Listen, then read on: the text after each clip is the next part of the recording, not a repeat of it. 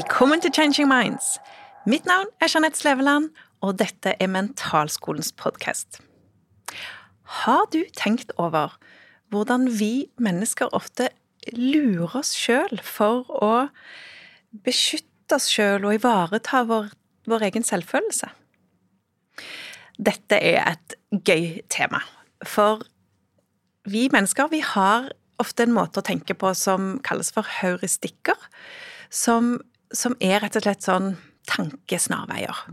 Disse er ofte bra for oss. De gjør at vi raskt kan ta valg og konkludere med ting, og eh, slipper å bruke så mye sånn kognitiv eh, energi på å eh, bestemme oss for ting.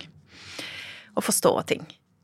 Men noen ganger så gjør dette at vi får et litt sånn unyansert bilde, og at det dermed blir noen sånne biaser eller tankeskjevheter ut av det. Og noen av disse bruker vi òg for å eh, leve bedre med oss sjøl.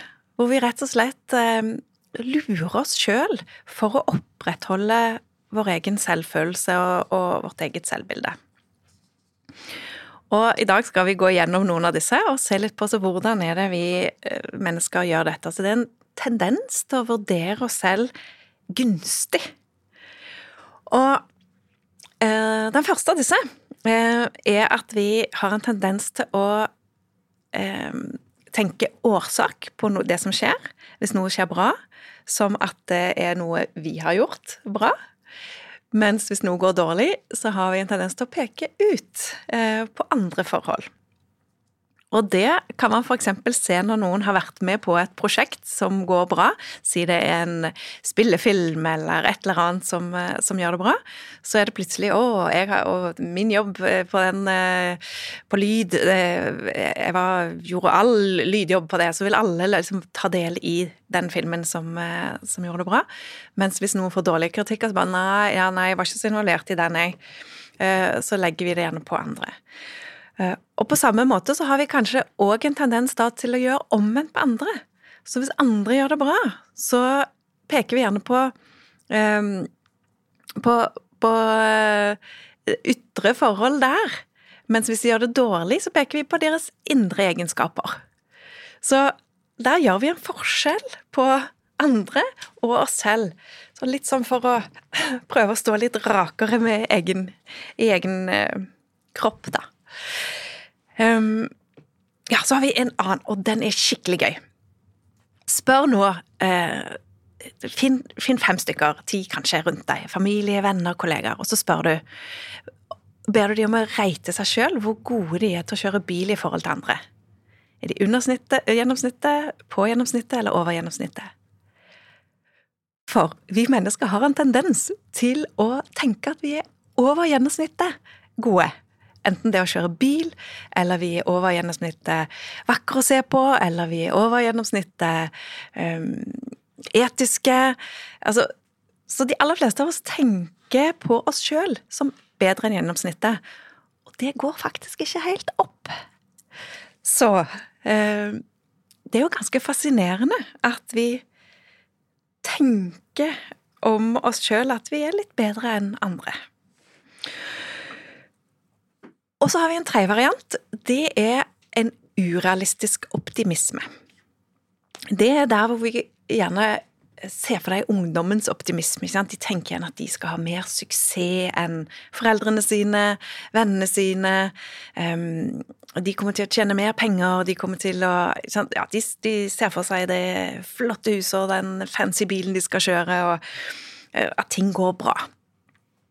Uh, det betyr òg at man gjerne tenker at eh, dårlige ting, det skjer ikke meg.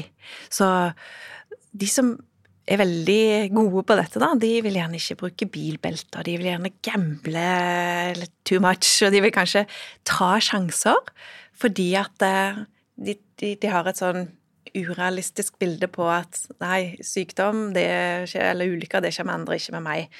Jeg tåler alt, og jeg klarer alt. Og ja, så tar de, tar de store sjanser, rett og slett. Og så har vi òg eh, en bias som går på at vi tror at folk flest er enig med oss. Og den òg er jo festlig. Hvordan vi tenker da at eh, eh, Ja, de fleste tenker som meg på at eh, det er bedre å ta kollektivt enn å kjøre bil, eller det er hva enn det er vi syns er viktig eller riktig. Så, så tenker vi at ja, vi snakker gjerne til og med om det som at vi syns, når det egentlig er min egen mening jeg ønsker å formidle. Fordi vi tenker at ja, men vi er jo enige om det, uten at vi egentlig vet hva andre syns.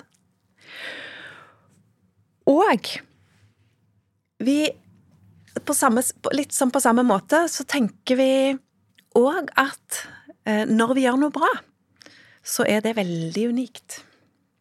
Så la oss si at eh, at vi sykler med sykkelhjelm så tenker vi liksom ja, men det er jammen ikke mange, som, eh, mange andre som gjør sånn som meg. Eller hvis vi gjør noe frivillig arbeid, så er det liksom det, jeg gjør det, men eh, det er jammen slettes ikke så mange andre som gjør, altså. Så da løfter vi oss selv opp. Men hvis vi gjør noe som, er, som ikke er så bra, hvis vi snuser eller røyker, eller ja, så er det litt sånn ja ja, men de, fleste gjør jo det. De fleste sniker på trikken, og de fleste Ja, da er det liksom innafor. Og en variant til vi må ha med, den kalles self-handicapping. Eller det å gi oss selv eh, et handikap. La oss si du skal konkurrere i idrett, og du skal konkurrere mot din argeste konkurrent. Da er det sånn at hvis du gir ditt 100% og taper, så får du en bekreftelse på at den andre er bedre enn deg. Men hvis du som bare Nei, jeg føler meg ikke helt i form i dag, så jeg gir litt sånn 80% Da vil jo du fortsatt, hvis du taper, kunne gå ut derfra og si at ja, men eh, jeg hadde jo ikke helt dagen, og jeg ga jo ikke alt, så fortsatt så vet vi ikke hvem som er best når vi begge to er på topp. Og det gjør det på sett og vis bedre og lettere å være deg i, i tiden som kommer. Så alt dette er måter som vi rett og slett eh, bruker å forholde oss til oss selv på for å, for å prøve å eh, ja, leve bedre med oss selv. Og samtidig så er det jo måter vi lurer oss selv på. Og det som er morsomt med dette, er at forskning viser jo at vi som lever i veldig sånne individualistiske samfunn i Vesten, vi har mye mer av dette enn f.eks. Eh, asiatiske land, hvor det ikke er så viktig å være så bra og være så eh, Altså dyrke egoet på samme måte som vi gjør i, i, våre samfunn. Så der har de mye, mye mindre av disse. Det er ganske fascinerende hvordan kulturen har noe å si for, eh, for, for akkurat dette. Så hva kan være dumt med det, da? Eh, det kan jo være skadelig å og ikke innse egne svakheter, og vi kan få et sånn urealistisk og oppblåst selvbilde. Um, og det kan jo òg gjøre at ikke vi helt tar ansvar for egne negative bidrag inn i relasjoner, f.eks. Men samtidig så kan det hjelpe oss å føle oss bra. Det kan gjøre at vi lettere takler nye situasjoner og utfordringer, og det kan faktisk være med å beskytte oss mot depresjon. Så dette var min lille refleksjon rundt eh, tankeskjevheter og hvordan vi eh, vurderer oss selv gunstig for å prøve å liksom, holde, holde, opp et positivt bilde av oss sjøl. Del gjerne dine både refleksjoner og aha-er om hvilke av disse måtene å tenke på du kjenner deg igjen i. Og så håper jeg du har hatt glede, og takker for at du har fulgt denne lille refleksjonen. Vi snakkes!